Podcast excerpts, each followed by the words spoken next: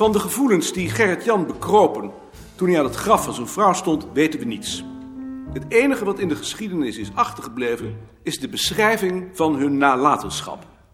Hij was verplicht om die te laten maken, omdat hij met drie minderjarige kinderen alleen achterbleef. Dat het zijn stiefkinderen waren, zal aan die verplichting nog extra gewicht hebben gegeven.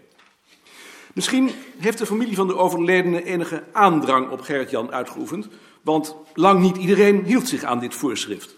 In ieder geval vinden we bij de getuigen die door de notaris bij de beschrijving worden geroepen, de broer van de eerste echtgenoot en de broer van Hendrikje zelf. Ze kwamen op 25 oktober 1824 s morgens om 10 uur bij elkaar in het sterfhuis met een beëdigde getuigendeskundige en waren daar tot smiddags twee uur bezig met de minutieuze beschrijving van de inboedel. Aan deze en dergelijke beschrijvingen, waarvan er alleen voor het 19e eeuwse Dalfse ongeveer 200 bewaard zijn gebleven, danken we het inzicht in de samenstelling van een huishouden in die tijd en de veranderingen die daarin in de loop van de eeuwen hebben plaatsgegrepen. Vervolgens schetste hij in het kort het karakter van die veranderingen aan de hand van een tweede boedelbeschrijving uit 1888 en twee tekeningen van Jetses uit 1902 en 1950, waarna hij tenslotte de mensen in de zaal opriep om aan die kennis van de veranderingen hun bijdrage te leveren met een minutieuze beschrijving van hun ouderlijk huis aan de hand van de vragenlijst die ze vandaag hadden gekregen.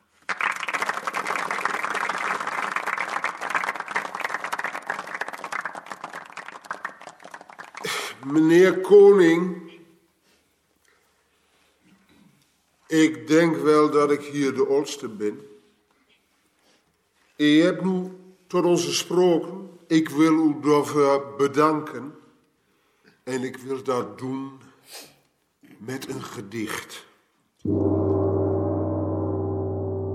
Zo'n boer aan het slot, nee. Twaalf coupletten.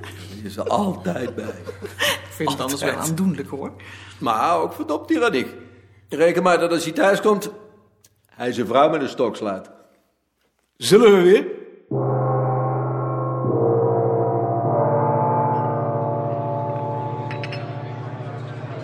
Dag meneer Koning. Ga maar weer eens kijken bij de wc's. Is dat nodig? Het is niet voor te stellen zoveel rommel als mensen maken. Gaat het hier goed, Erik? Ja hoor, is wat doorwerken, maar we komen er wel uit. Prachtig. Heb jij al met veel mensen gepraat, Gerrit? Huh? Als hoofd van de correspondentenadministratie zou je iedere minuut moeten benutten. Ja, ik ga zo meteen weer. Ah. Even uitrusten. Oh, Gaat het, meneer Goud? ja. Alleen een beetje druk. U hebt geen hulp nodig? Ik heb hulp. Oh. Hatti en Pandai helpen me. Dag Maarten. Eve, jullie hebben het niet druk. Nee, ik geloof toch dat het een hele klim voor de mensen is. Maar nu komen er toch mensen. Komt u binnen. Ik ben Eve Batelier. Leuk dat u gekomen bent. Ben ik de eerste bezoeker? Ongeveer. We zitten er niet op te wachten, hoor.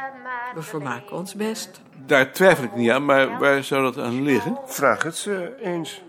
Ik had verwacht dat die band met liedjes wel zou trekken. Ik ook, maar misschien associëren de mensen te veel met achtergrondmuziek. En de achtergrond bezoek je niet.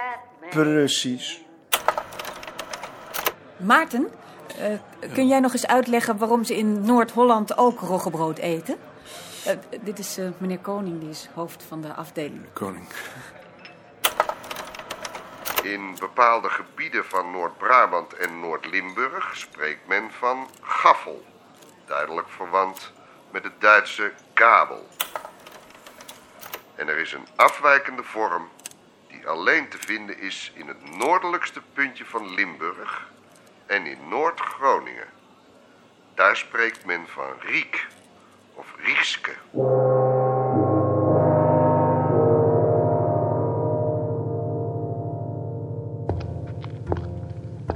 Lopend naar huis in het veilige donker vroeg hij zich af waarom de omgang met mensen hem altijd zo diep ongelukkig maakte.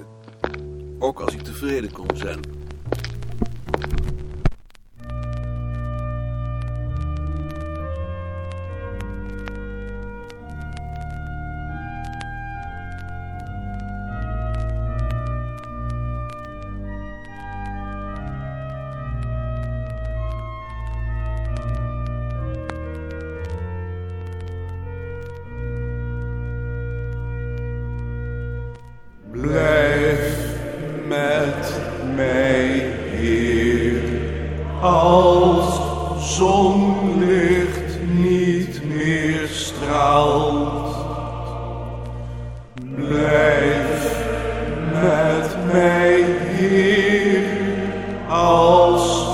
Straks de avond daalt. Als vrienden heen gaan in stormgetij. Blijf gij ter hulp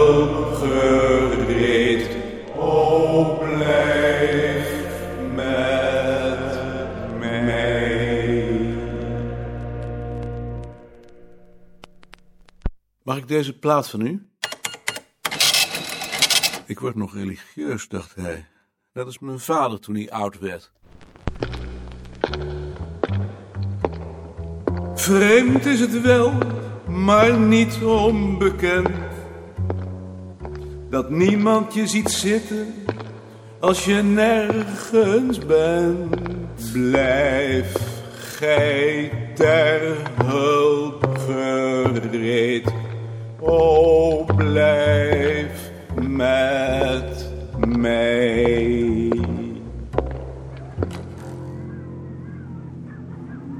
Hoor je dat? Ja, Dat hadden ze toch niet gezegd? Dat het zou gaan stormen. ze weten er niks van.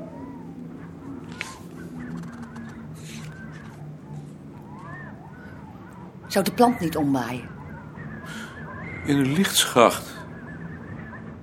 Huh? Die staat daar wel goed, dacht ik. Zou je niet eens gaan kijken? Eh, ik zal even gaan kijken. De stille, donkere lichtschacht, het geluid van de wind en de kerstklokken maakten hem gelukkig. Hij keek naar de plant. Het zachte bewegen van de bladeren ontroerde hem. Wat ben je in godsnaam aan het doen? Wat doe je, idioot? Ik kijk naar de plant. Waarom kom je niet binnen? Omdat ik naar de plant kijk. Maar dat hoeft toch zo niet? Ik maak me ongerust. Hoef je toch niet de hele avond voor buiten het raam te blijven zitten? Het lijkt soms wel alsof je gek geworden bent. Kan hij nu kwaad of niet? Ik denk van niet. Want ik heb hem nauwelijks zien bewegen.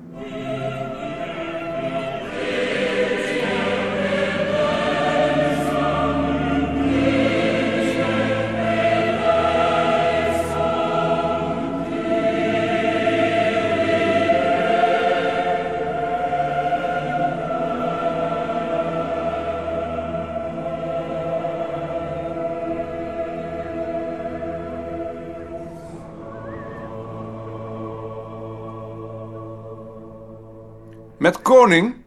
Met Jaap.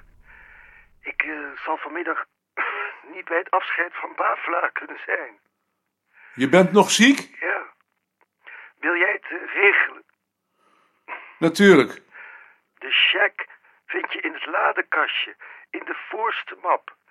De sleutel ligt in dat glazen kastje tussen de ramen. Onder het onderste plankje. Goed. Dat is het. Is er nou al enig uitzicht wanneer je terugkomt? Ik moet in ieder geval eh, 9 januari terug zijn, want dan komt die man van Bakkenist weer. Komen ze nou eigenlijk nog op de afdelingen? Ik denk het niet. Goed. Maak je geen zorgen over dat afscheid, ik zorg daarvoor. En het beste. Dank je. Balk is niet bij het afscheid van Bavelaar. Dus nou moet jij het doen. Ja. Ik vraag me af wie daar moet spreken. Jij natuurlijk. Ja, van de andere afdelingen. De afdelingshoofden. ga eerst maar eens naar de kamer van Balk. Dag Simon.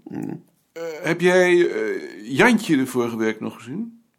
Ja, zaterdag bij Albert Heijn.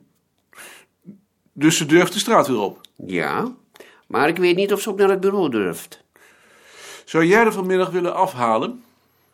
Ja, natuurlijk wel. Dan bel ik erop dat je er tegen drieën bent. En als ze nou niet durft? Dan neem je een taxi. Maar het lijkt me beter als je loopt. Mhm, Ik zal het doen. Oh ja. Lies, Jantje krijgt vanmiddag een cheque.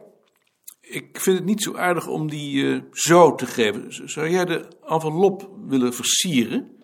Hoe weet je of ik dat kan? Je volgt toch avondcursussen op de Rietveld Academie? Oh ja. En het schoolbord in de collegezaal. En wat moet daar dan op staan? Leven Jantje.